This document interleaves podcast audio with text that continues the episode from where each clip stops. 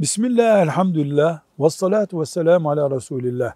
Peygamber sallallahu aleyhi ve sellem Efendimizin din garip geldi, yine garip olacak sözünü bugün gerçekleşti mi gerçekleşmedi mi diye hayatın içinden belli noktalardan tespit edebilir miyiz? Ederiz tabi.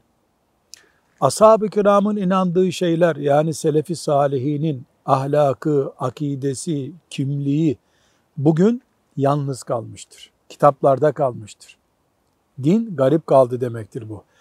İki, şeriat tatbik edilmiyor. Tatbik edilmesini istemek suç haline geldi. Demek ki İslam garip kaldı. Üç, Allah ile kullar arasındaki ilişki ibadet açısından, iman açısından gitgide azalıyor, küçülüyor. Demek ki İslam garip kaldı. Dört, ahlak yabancıların ahlakıyla özdeşti.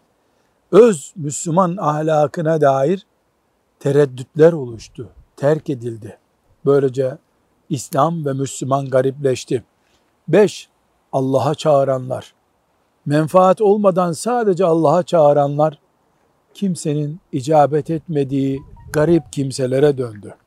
Ve altı, Müslümanlar Müslümanlarla, kafirler kendi başlarına yani vela ve bera inancımız tamamen ihmal edildi ve son bir noktada ilim Allah'ı buldurması gerekirken diplomayı ve parayı buldurdu sadece. Bunlardan anlaşıyoruz ki anlaşılıyor ki İslam da Müslüman da garip bir zamanda yaşıyor. Velhamdülillahi Rabbil Alemin.